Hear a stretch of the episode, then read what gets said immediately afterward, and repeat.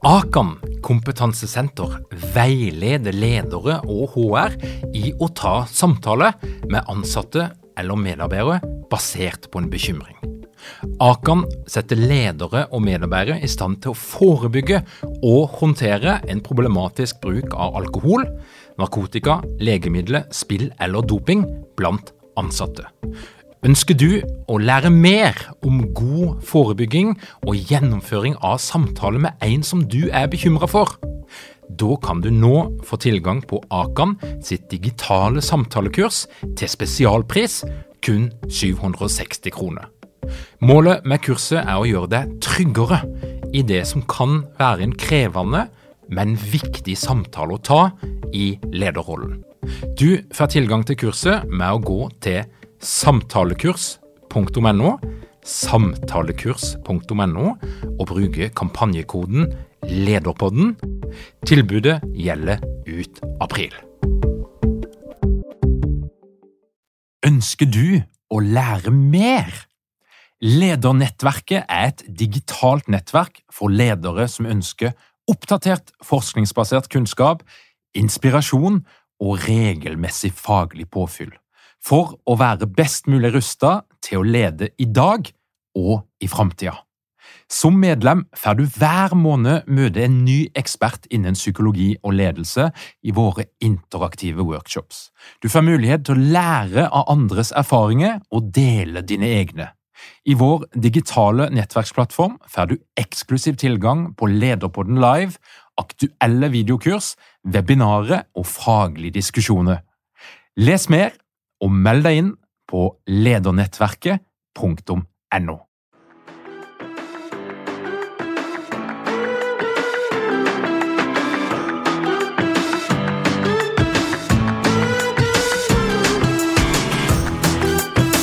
Velkommen til Lederpodden.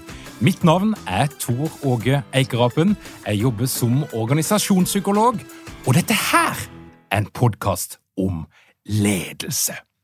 Føler du at du kan si hva du vil på jobb, og at det alltid blir tatt i beste mening? Eller hvis du som leder var på vei til å ta en skikkelig dum og dårlig beslutning, tror du at dine medarbeidere hadde tørt å si ifra? For det er jo lett å være enig om at et godt ytringsklima er viktig, men på den andre sida så er det ganske mange strømninger i samfunnet som kan bidra til å begrense hva som er ok å si og gjøre på en arbeidsplass. Filosofen Øyvind Kvalnes han er professor på BI.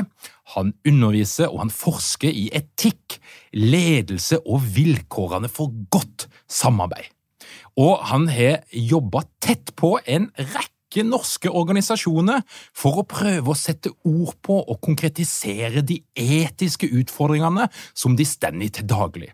Han har skrevet et lass med bøker, og for eh, noen få år siden så kom han med boka Ytringsklima, som også er navnet på et studieprogram han leder på BI. Og I denne episoden vil Øyvind gi deg som er leder, svaret på hvorfor ytringsklima er noe som du bør bry deg om, og hva som skal til for å skape et sunt ytringsklima. Velkommen til Lederpodden, Øyvind. Tusen takk, og tusen takk for den flotte introduksjonen. Synes jeg, den syns jeg det var skikkelig schwung over. For hvis folk ikke var interessert i ytringsklima fra før, så tenker jeg de i hvert fall ble det når de hørte hva du sa helt i begynnelsen her. Så det syns jeg var strålende innledning. Godt å høre, Øyvind. Og jeg må jo begynne som jeg ofte gjør med å spørre deg hvorfor skrev du denne boka? Jeg skrev den boka fordi jeg etter hvert satt med veldig mange gode historier og gode eksempler på hvordan folk eh, jobber med ytringsklimaet sitt, og hvordan det er viktig for å få til ting sammen. Eh, så fikk jeg lyst til å plassere det mellom to permer og lage en bok ut av det. Ehm, så jeg tror eh, den store gleden jeg har med å jobbe med dette temaet, er jo at jeg treffer folk og snakker med folk og har eh, eh, dialog om ytringsklima og hva som skal til for å gjøre det på en skikkelig fin måte. Mm. Og så er det jo sånn da, at vi lever i ei tid der det skjer en del ting som kan påvirke ytringsklimaet. Alle er kjent med metoo. Noen snakker om en kanselleringskultur. Noen snakker om krenkorama. Og, og det jeg lurer litt på, hva, hva er statusen? Altså, er det, kan du si noe generelt om åssen står det til med ytringsklimaet på norske arbeidsplasser? Jeg tror også, I tillegg til det du nevner, så tror jeg jo også at vi er veldig prega av at vi har vært eh, mye hjemme på eget kontor og vært mye uvisshet rundt uh, korona. Og eh, vi møtes digitalt. Uh, og mye av dette her gjør at uh, ytringsklimaet settes på prøve på mange måter. Fordi vi savner, mange av oss det er de hyggelige, korte møtene vi pleier å ha med folk når vi er på jobb. og uh, når vi treffes ansikt til ansikt, så har vi bedre sjanse også til å moderere oss og se hvordan takler Hvordan tolker du det jeg sier nå? Så uh, det er ekstra krevende, eh, og jeg tror vi er ekstra følsomme og, og veldig fort havner i en situasjon hvor vi kjenner oss krenka eller tråkka på eller eller sånne ting. Og det møter vi da andre kanskje med å være for forsiktige og utydelige. Eh, så jeg har vært opptatt av det at vi virkelig trenger friksjon når vi legger fram nye ideer og legger fram nye planer. Og hvis vi går rundt og tenker at jeg må, må pakke inn det jeg skal si, sånn at han ikke blir lei seg, så, så kan det hende at budskapet blir borte mm. i, når vi pakker det inn sånn. Så, så, det er en veldig interessant tid og veldig spennende tid og krevende tid, fordi vi må passe på at vi vedlikeholder den, den, den, den friksjonen da, som trengs for at vi skal utvikle spennende ideer og spennende planer sammen. Ja, for Det er jo litt av hensikten, er ikke det? Altså, når du skriver og jobber med ytringsklima, så handler det om at du har en hypotese om at et sunt ytringsklima gir bedre beslutninger, ja. bedre ideer, og får på en bedre måte ut det som er iboende hos folk. Ja. Av kunnskap, av kompetanse. Det er helt riktig. Så jeg tror det er en helt sånn integrert del i det å, å samarbeide og få til ting sammen. Jeg liker å snakke om små og store samarbeidsmirakler. Altså Mennesker får til utrolig flotte ting sammen. Eh, hvis vi trekker i samme retning, og hvis vi også tør å være uenige og tør å bryne oss på hverandres eh, ideer. Eh, jeg leste også et veldig spennende intervju med en forsker som har vært med på å utvikle vaksinen. Vi, eller løsningen for vaksinen, da. Og hun sier at ytringsklimaet har vært helt avgjørende for å få til det, og at det først ble fart i sakene da folk møttes uten å, ha, uten å være rivaler, uten å liksom konkurrere om hvem er det som er viktigst i dette rommet her. Mm. Alle var viktige, alle kunne komme med sine ideer. Og, og folk var ikke opphengt på at eh, jo, jo, men jeg vil ikke si noe før jeg er sikker på at jeg får æren for denne ideen som vi holder på å klekke ut nå. Så, så det syns jeg er utrolig spennende, og jeg tror det gjelder også i, i små og store sammenhenger. at eh, eh, noen ganger så tror jeg rivalisering og sånn status står i veien for at vi skal få til flotte ting sammen. Eh, så Derfor var det veldig tankevekkende å lese at eh, liksom, gjennombruddet i den forskningen som, nå, som nå kanskje redder oss på mange måter, den kom da folk klarte å snakke godt sammen og lytte til hverandre og uh, tørre å være uenige også, uten at det, man skulle liksom stikke hverandre ned eller at det var rivalisering. Men det var vel så fordi at det, hvis vi skal komme oss videre og lage gode ting, så må vi også være litt tøffe mot hverandre. Og apropos vaksine. For det er jo kanskje ildprøven på ytringsklima i mange virksomheter i dag, spesielt i helsevesenet. Mm for eller imot. Ja. Og jeg så senest i går en sykepleier på Sørlandet som sto fram som vaksinemotstander. jobbe jobber i helsevesenet, tett på sårbare mennesker. Ja. Og hvis jeg tenker liksom, hvis det er noe som er kontroversielt i dag, ja. og der du virkelig får sett på hvor mye tåler dette her arbeidsmiljøet av avvikende meninger, så er det å være vaksinemotstander. Absolutt. Absolutt. Og jeg, jeg, jobber med et nytt bokprosjekt nå som jeg kaller for Filosofisk førstehjelp. Eh, og det, det, den ideen kom jeg på fordi jeg var i prat med en, eh, en vaksinemotstander. Da. Og så tenkte jeg at det, i utgangspunktet så kan ikke vi snakke sammen fordi vi står så langt fra hverandre. Jeg mener jo er, Ut fra det vi vet nå, så er det veldig fornuftig at vi alle vaksinerer oss. Selv om det er mye usikkerhet rundt det. Eh, men jeg kunne faktisk ha, ha en saklig samtale med en som sto på den andre siden. Og, og det tenkte jeg hm, det er faktisk verdifullt også, at vi klarer å ha de samtalene. Uh, og at vi ikke for tidlig i hvert fall kansellerer og sier at uh, deg vil jeg ikke ha noe med å gjøre, deg kan jeg ikke snakke med. Uh, så det er jeg enig med deg at det her er en, en, en test.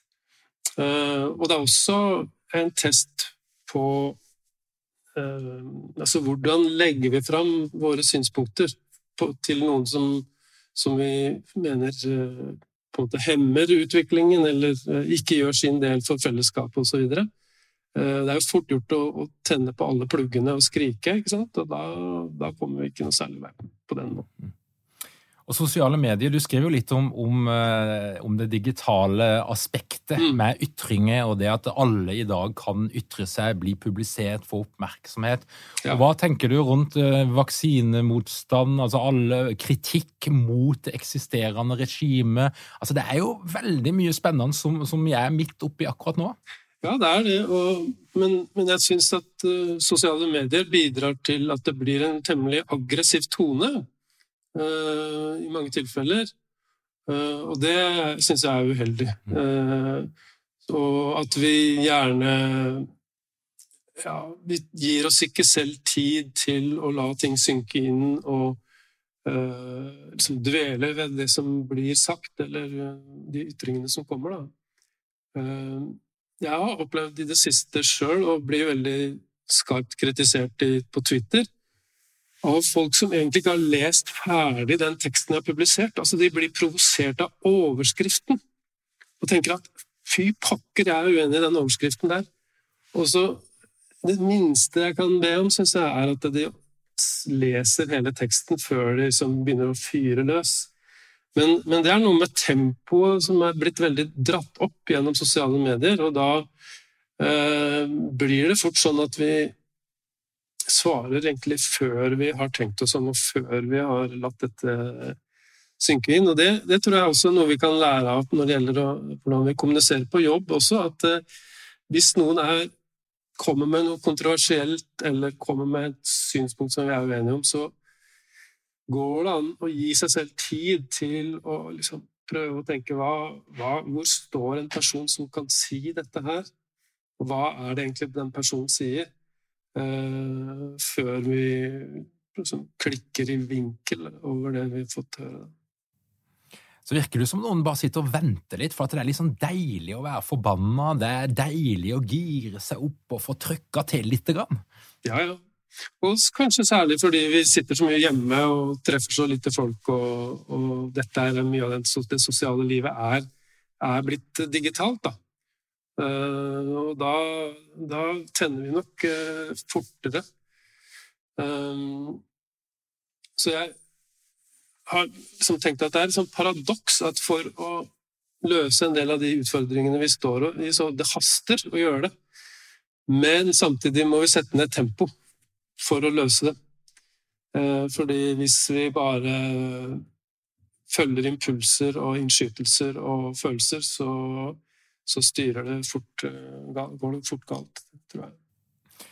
Ytringsklima, vi kan vel si at ledere ofte er premissgivere for kvaliteten på et ytringsklima på en arbeidsplass. Ja. Hva, hva, er det som kjennetegner de arbeidsplassene som du vil si har et dårlig ytringsklima, hvis vi skal male det ordentlig ut? Ja, uh, jeg, jeg liker å bruke Det er jo mange som bruker det begrepet psykologisk trygghet nå, som Amy Edmundsen har vært med på å utvikle. Eh, og det syns jeg er veldig spennende. Altså, de stedene hvor folk ikke sier fra om ting, det er jo der hvor de tenker at hvis jeg åpner munnen nå, så får jeg problemer. Da, får, da blir det sanksjoner mot meg, og sånn karrieremessig så er det best å holde kjeft nå. Uh, og jeg har vært med på å gjøre en undersøkelse som jeg også skriver om i boka om ytringsklima, som går ut på at ledere ofte opplever ytringsklimaet som bedre enn medarbeiderne deres gjør. Uh, og det syns jeg er kjempeinteressant. Altså, hvis, du, hvis, vi spør folk i en organisasjon hvordan er kvaliteten på ytringsklimaet her, så vil lederne måte si at det ligger her oppe, og så medarbeiderne si at det ligger et stykke lenger ned. Um, så det gapet der har jeg brukt mye tid til å diskutere med ledere. fordi De sier ja, jeg har hørt at det er sånn andre steder, men jeg tror ikke det er sånn her hos oss. Da, da ber jeg dem om å tenke seg om en gang til. At kanskje terskelen for å si fra om vanskelige ting og terskelen for å være uenig er høyere enn det du som leder tror at det er. Da. Eh, jeg tror det ofte kan være et greit utgangspunkt. Og så kan man teste det ut og se hvis jeg Jeg har, jeg har spurt noen ledere noen ganger om de, kan, om de tør å bare for et eksperiment tør å legge fram en idé som de selv ikke tror noe særlig på, for å se får jeg motstand nå, eller sitter de bare og nikker og smiler til det jeg sier, fordi det er jeg som sier det. Og noen av dem opplever jo det, at folk nikker og smiler uansett hva de sier. Og da, er, da burde alarmklokken eh, gå, på en måte. Og Da må du jo nevne det eksperimentet som du refererer til, som foregjenger på, et, på universitetet i, i, København, der det er en, en eh, ja, tilsynelatende eh, flink professor som kommer på scenen mm. og bare vrøvler. Ja. Så det er et eksperiment som studentene utsettes for. Da, for de har invitert en skuespiller til å stå på scenen og late som han er professor og bare fortelle bare drøvel. Og så skal, sier vi til studentene at du må gjerne gripe inn og, og, og eh, stille spørsmål og si fra hvis det er noe som er uklart. Eh, men denne professoren, denne falske professoren, da, han får lov å snakke i 45 minutter uavbrutt. Eh, og det er ganske interessant, syns jeg. Og da, jeg bruker det som et eksempel på det vi kan kalle tilskuereffekt. At jo flere vi er som opplever at noe ikke er riktig, desto mindre er sjansen for at noen av oss sier fra. Og hvis det er 100 stykker i auditoriet, så blir det fort sånn at jeg sitter og syns dette han sier, bare høres dumt ut. Eh, men det er jo 99 andre her som ser ut som de skjønner alt sammen, så det er sikkert bare jeg som er dum.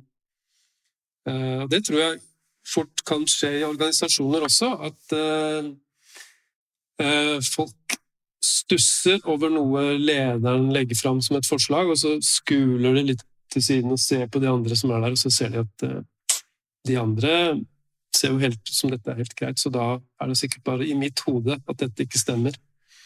Så, så min utfordring, eller oppfordring, er jo ofte det å ta ordet og tørre å dumme deg ut. Og du må, må tørre å, å, å, si at uh, 'jeg skjønner ikke hva du snakker om nå'. Dette henger ikke, sammen, henger ikke på greit for meg. Men det krever ganske mye mot. Da, da må du liksom stikke deg ut fra mengden, stikke deg ut fra fellesskapet. Og så er det jo en reell risiko i det. For det, det, det skriver du jo òg noe om. altså eh, det for eksempel å være en varsler, ja. Ja, det eh, kan vi være enige om at det er en flott ting. Det er moralsk, det er riktig på vegne av samfunnet, på vegne av virksomheten. Mm. Men fakta er jo at en god del varslere blir straffa, eh, og de blir merka for livet. Ja. Sånn at selv om vi kan si at ja, det er riktig, det er modig, vi ønsker det. Ja. Så kan det bli en pris som er ganske høy å betale. Absolutt. Så jeg pleier å si at uh, for å motivere ledere til å jobbe med ytringsklima, så sier jeg at dette er den beste måten å forebygge varslingssaker på. Hvis du gjør det til en normal ting å være uenig, en normal ting å bringe fram motforestillinger, så er det ikke sånn at det hoper seg opp og så blir det som en sånn trykkoker hvor noen til slutt bare, det bare eksploderer, og de må gå ut med det. Uh, og det er mange triste historier om, om varslere. Uh, og jeg tror mange kvier seg for å gå inn i den varslerrollen. Så da jeg skrev boka, så var jeg nysgjerrig på om det fantes eksempler på vellykket varsling. Altså eksempler, historier, hvor det har gått bra med varslerne også. Eh, og jeg fant et eksempel fra Nederland, hvor det var noen doktorgradsstudenter som varslet om, en, eh, om forskningsjuks hos en veldig høyt eh, rangert professor. Og de kom helskinna gjennom det, og jeg tror mye fordi de var flere. Det var, det var ikke bare én person som skulle bære alt dette. De hadde veldig god dokumentasjon, og de klarte å unngå at dette ble det viktigste som skjedde i livet deres. Jeg tror det er noe av det som rammer mange varslere, at dette blir liksom sånn altoverskyggende hendelse i livet deres, og da blir det veldig krevende å komme tilbake i normalisert eh, arbeid etter det, når man er, har vært gjennom en sånn, eh, en sånn økt. Så eh, rådet jeg henter ut av det, da, det er at hvis du vurderer å bli en varsler, så se om det er noen du kan alliere deg med og dele denne belastningen med, sånn at du ikke står alene. En gruppe med varslere står mye sterkere enn en enkeltperson som som eh, skal bære alt dette på egne skuldre. Så det, den, jeg tenker det er et veldig viktig råd, og det er det nok eh, Det kunne godt blitt sagt litt høyere i en del fora, for jeg, jeg tror det er en del som undervurderer litt den belastninga som, som, det kan være. Ja, absolutt. Eh, og så tror jeg også at de som er vitne til noe de syns er galt, da, de tenker at valget er enten at de varsler alene, eller at de ikke gjør noen ting. Og så er det, det tredje muligheten er at du begynner å snakke med andre. og all, skaper deg allianser, som, sånn at det er flere av dere som går fram og, og, og sier fra om det her. Så jeg har jo diskutert dette her med unge leger som eh, kommer rett fra skolebenken og inn på sykehusene våre og kan med egne øyne se at her foregår det mye rart. Og de har lært masse spennende ting som kan anvendes her for å gjøre pasientopplevelsen mye bedre. Men så vet de at eh, den som har lagd dette systemet, det er den personen som bestemmer om de får fast stilling seinere. Så dette er liksom babyen til, til, den personen som bestemmer over deres karriere. Så du har ikke lyst til å gå bort til babyen og peke på babyen og si det er stygg baby. Det, da har du ikke sjans, ikke sant? Men uh, det går jo utover pasientene, for pasientene kunne hatt kjempegodt av at uh, man fant smartere løsninger og bedre koordinering av innsats osv. som disse, disse, unge legene ser så krystallklart, men som de, ikke, som de velger å ikke si fra om. Mange ledere kjenner på et økende behov for kunnskap og ferdigheter som gjør de gode til å lede innovasjon og endring på en måte som gir effekt. Sammen med professor Oskar Amundsen har jeg derfor laga et 14 ukers digitalt lederprogram som kun handler om én ting, nemlig å gi deg de beste verktøyene og den mest oppdaterte kunnskapen for å lede endring i praksis. Vi vil gi deg ei universell verktøykasse. Har dere mange ledere uten trening eller utdannelse innen ledelse? Mangler dere en felles kultur og praksis for ledelse? Ønsker dere å være bedre rustet for fremtidig vekst og endring? Da kan et internt lederutviklingsprogram være en god investering. I Execu er vi eksperter på å designe og gjennomføre bedriftsinterne lederutviklingsprogram. Hvis du ønsker å lære mer om hvordan vi kan hjelpe dykken til å få enda bedre ledere, ta og klikk deg inn på execu.no.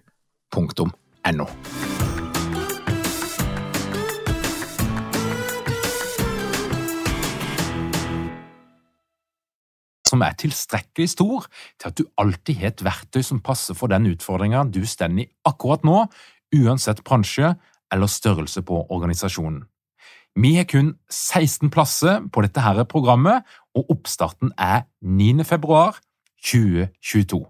Du kan lese mer og sikre din plass på ledeendring.no. Ledeendring.no.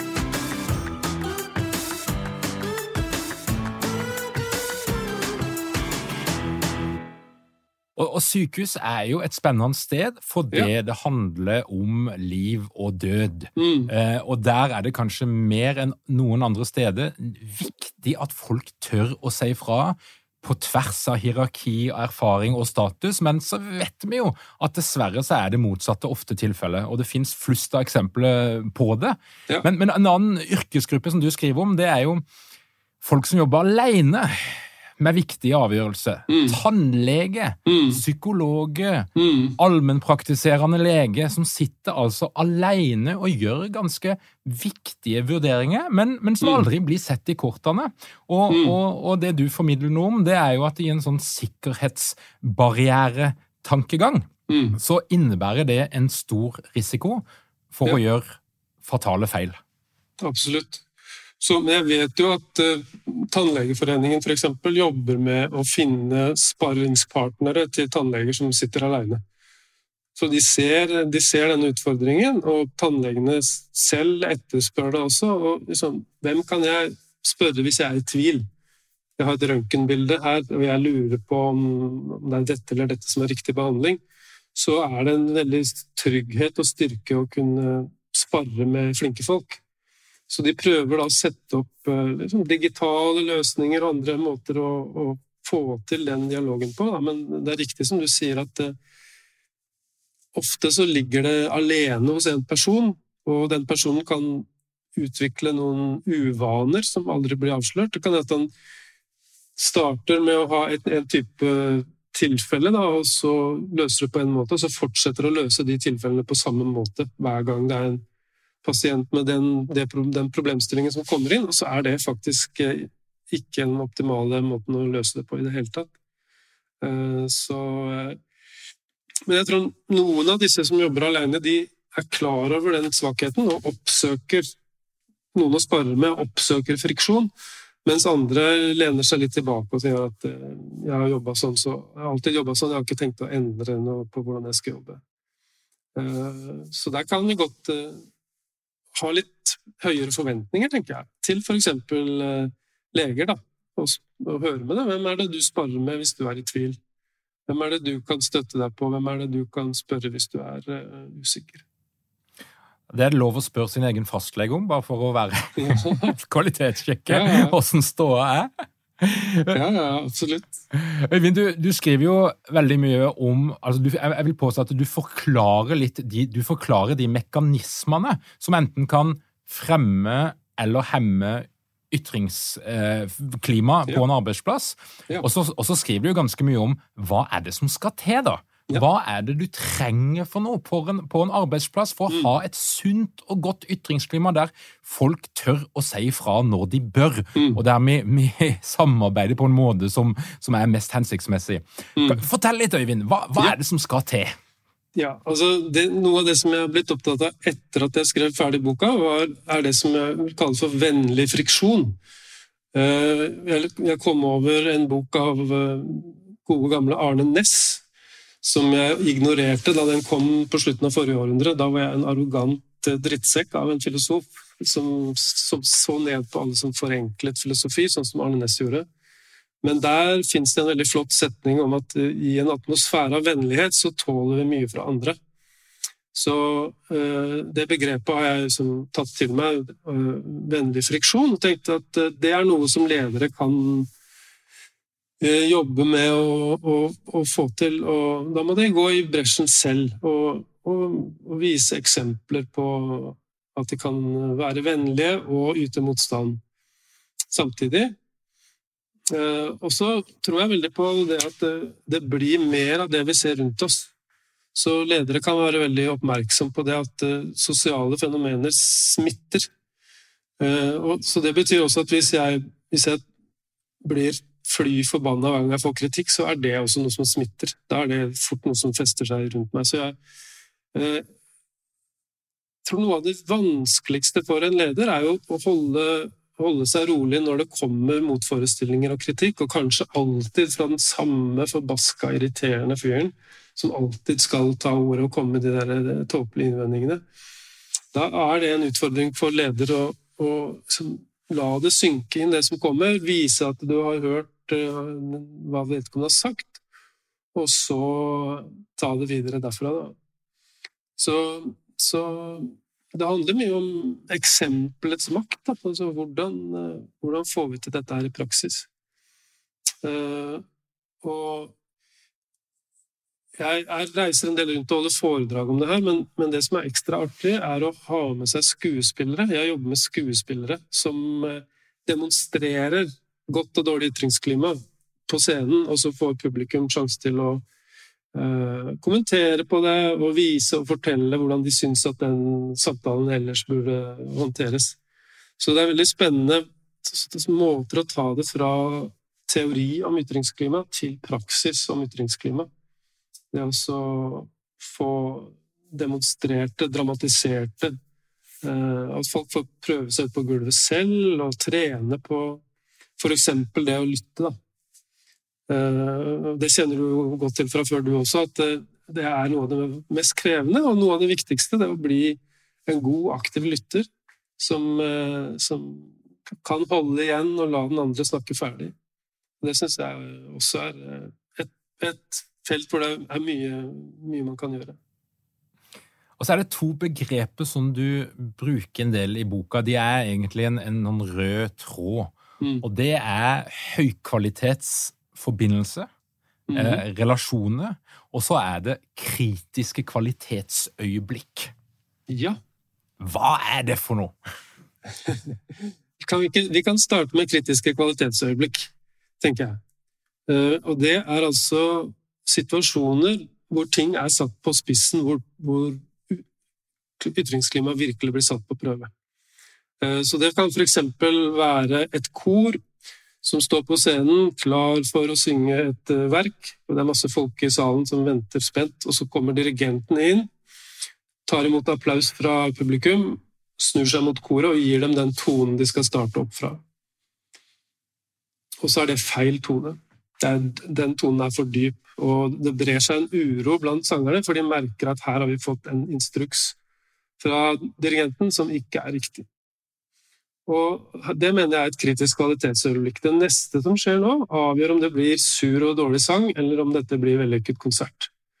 Og For at det skal bli vellykket musikk, så må noen blant sangerne ta et eller annet initiativ, sånn at dirigenten korrigerer eh, tonen, eller at de selv plukker opp en annen tone og starter fra den.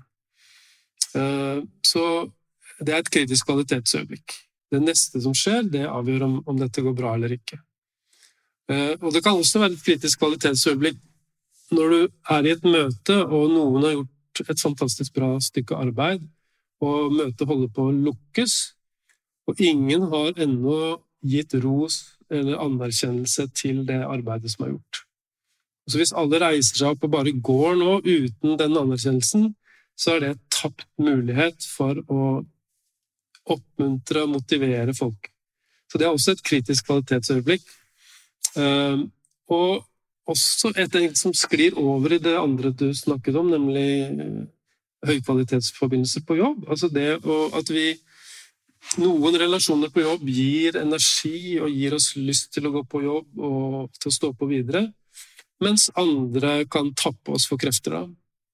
Og eh, det er Jane Dutton, forsker, som har utvikla det begrepet om høykvalitetsforbindelser. Og jeg har hatt gleden av å undervise en del voksne mennesker i, i det begrepet, og de, de er veldig begeistret for det. Og eh, folk gjør aktive utprøvinger ut fra det, begrepet. Teste ut dette på hjemmefronten eller på jobb. Hva skjer hvis jeg gir ekstra mye oppmerksomhet til den personen? Hva skjer hvis jeg liksom følger ekstra nøye med og gir ekstra mye ros og støtte til den personen? Og da, da, kommer det veldig mye spennende ut av det, og de kommer jo tilbake og forteller at det er helt overveldende hva man kan mobilisere da, hos en person som kanskje har vært ganske forknytt og forsiktig og passiv. Eh, men når du er nysgjerrig på den personen og bruker tid sammen med den personen, så er det et eller annet som løsner, og så kommer det over på et helt annet spor, og det er jo fantastisk morsomt å, å oppleve. Og de, og de, faktorene som ligger inni dette her begrepet, som en da kan eksperimentere med, mm. ja, kan du liksom bare gi den lille oversikten der? På høykvalitetsprovinser, tenker du? Ja. ja. ja. Um, ja. det er jo mye rundt det hvordan uh, Hva består det i, da? Uh, og en ting som en misforståelse er at dette handler om liksom dype, inderlige vennskap, for det gjør det ikke. På, det kan være at vi har et helt profesjonelt forhold til den andre, og eh, vi treffes ikke på fritida, vi har ikke masse felles interesser osv., men akkurat når vi skal gjøre ting sammen, så kan vi være veldig skarpe og fine i tilbakemeldinger, både med ros og støtte, men også si at nei, det der er jeg ikke enig med deg i. Det syns jeg ikke blir riktig. Og hvis du opplever at det foregår i en vennlig tone, så er det noe som skaper lyst til å stå på videre og til å, å, å jobbe mer sammen med, sammen med, de personene der, da. Mm. Og, og, det som jeg syns er fascinerende, da, det er jo å dvele akkurat ved disse energiskapende eh, relasjonene. fordi det fins veldig mye psykologi og annen forskning som heller ser på utbrenthet, eh, depresjon eh, Ulike former for slitasje og hva som tapper folk for krefter. Eh, og Det kan også være viktig å dvele ved det, men, men jeg har veldig sans for den positive orienteringen da, ved å si hva, hva, hva oppnår vi hvis vi klarer å løfte hverandre og oppmuntre hverandre i, i relasjoner på jobb. Og der, der, presenterer du en øvelse som jeg har lyst til å teste ut veldig snart, og det skal, det skal jeg få gjort. Mm -hmm. Og det, det, er jo en variant av en sånn tradisjonell feedback-øvelse. Mm. Men, men, men, eh, det du presenterer, det er jo at uh, hvis en da er et la oss kalle det for en ledergruppe eller en gjeng som jobber sammen, noen kollegaer som, som har noe med hverandre å gjøre, mm. så er det en øvelse der hver enkelt skal fortelle en historie om den andre. Ja. Som er altså eh, konkrete handlinger noen andre gjorde, ja. der du følte at den andre var på sitt beste. Ja. Det er kjempespennende. Eh, det er det som kalles reflekterte beste selvportrett, og som også Jane Dutton har vært eh, med på å utvikle. Og Det er en øvelse som vi har brukt med voksne studenter og bedt dem om å kontakte et knippe mennesker som kjenner dem godt, og ber dem om å dvele ved og gjenfortelle når er det du har opplevd meg på mitt beste. Og det er krevende, fordi det er sånn flaut å spørre noen om å skryte av deg. Liksom du ber om å få en positiv historie. Men det kommer uhyre flotte historier fram, og, og ting som de som spør, da, helt har glemt. ikke sant? En togtur for 25 år siden hvor vi satt sammen i kupeen og snakket om noe. Jeg kunne legge fram hva jeg sliter med, og at det veivalg jeg sto oppi. Og du lyttet til det jeg hadde å si. Eh, og så nærmet toget seg Oslo S, og vi, vi fant ned sakene våre og fortsatte samtalen. Og den som får høre dette her, har kanskje helt glemt den episoden der, men for en annen person, et annet menneske, så var det der en helt sånn skjellsettende opplevelse. Ehm, og det er jo eh, også utrolig spennende å pakke ut de historiene da, og, og, og, og tolke dem, tenker jeg. På enhver arbeidsplass så, så finnes det jo noen drittsekker. Ja. Uh, og hva som definerer en drittsekk, er jeg jo ikke helt sikker på, men det er jo en mm. person som, som, ytrer seg på en uh, ikke ok måte. altså som, mm. er, som, har en måte kanskje å være uenig på, der vedkommende blir ufin, mm. sarkastisk, ironisk. Det blir personlig. altså Oppfører seg på en måte som helt klart er, er sårende. Uh, hva, hva tenker du, hva er det som definerer en typisk drittsekk på en arbeidsplass? Nei, jeg syns jo du beskriver drittsekken ganske godt. Og det som jeg har lurt litt på, da, det er jo de som har dette som et handlingsmønster. Har de fått korreks på det? Er det noen som reagerer på det? Jeg tror at noen av disse har fått lov å holde på sånn i 5 og 10 og 20 år uten at noen har sagt noe om det. Eh, og da blir det en sånn inngrodd vane som det er veldig vanskelig å rokke ved. Eh, og jeg har tenkt litt rundt det som det med psykologisk trygghet er. Er dette folk som er for trygge, rett og slett? Eh, kan man bli for trygg, som gjør at du tenker at her kan jeg slenge med leppa og si akkurat det jeg vil, uten at det får noen konsekvenser for meg? Eh, jeg tror jo dette er Vi, må tåle å få bli, bli arrestert på, disse, på den slags atferd, da. Men ofte så ser det ut til å være folk som er særdeles dyktige faglig, som har utviklet noen sånne tendenser. Fordi de opplever at de er i og med at de er så faglig dyktige, så er de uerstattelige. Så da kan de egentlig slå seg helt løs. Da. Og Da er vi jo inne på litt sånn forskjellige bransjer. Det, det ryktes jo at akademia og helsevesenet, da tenker jeg spesielt på sykehus, mm. Det er stedet der um, faglig eksellens blir anerkjent, og der du lett kan utvikle en sånn primadonna-tendens ja. som gjør at du tar deg noen friheter som du kanskje ikke bør. Kan du bekrefte det? Ingen kommentar. jo da. jo da, det stemmer, stemmer, nok, det. Vi har mye å jobbe med når det gjelder uh, ytringsklima i, i akademia. Uh, og jeg har da prøvd å lansere denne tanken om uh, vennlig friksjon, og plukket fram Arne Næss, som vi var inne på, som et ideal for hvordan vi burde snakke sammen på mitt institutt, f.eks. Så får vi se hvordan det tas imot. Men jeg tror det har mye for seg. Jeg tror vi lettere Jeg tror vi lytter mer aktivt også hvis jeg opplever at nå, den som snakker nå, er faktisk ikke ute etter å skyte meg ned, men å gi meg noe som jeg kan eh, lære av og, og få utvikling på. Men, men, ser du en, en endring? For at, eh, altså, Hvis en leser Morgenbladet eller hva det nå er for noe, så er det jo mm. nå støtt og stadig eksempler på noen som kommer ut med et ganske eh, nyansert og velargumentert eh, innlegg mm. i en eller annen debatt, mm. og så opplever du bare at det, voff! Så blir de tolka i verste mening, mm. og det blir betydelig mer bråkete og ugreit enn det det hadde trengt å være. Mm. Altså, er, er, er, du en, er, du en, motstemme, eller, eller åssen ser du på det? Jo, jeg prøver å være en motstemme til det, og jeg prøver å øh, peke på disse fenomenene, og at det fins At det trenger ikke være sånn. Jeg tror det, og det ofte når jeg går inn i en organisasjon også og jobber med ytringsklima, så, så er det noen måter å være på som er liksom nesten har stivna til. Og jeg prøver å få folk til å tenke at det, det trenger ikke være sånn. Det fins andre måter å snakke sammen på.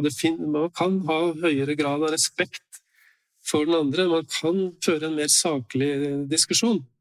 Eh, så eh, her er det stort rom for å forbedre seg og forsterke, forsterke ytringsklimaet. Til de lederne som lytter på, og som nå tenker at de vil ta grep, de vil bidra til at eh, arbeidsplassen har et sunt og godt ytringsklima, og mm. den jobben starter i morgen eller mm. rett over helga. Mm. Hva er det viktigste de kan sette i gang med, som er litt sånn konkret?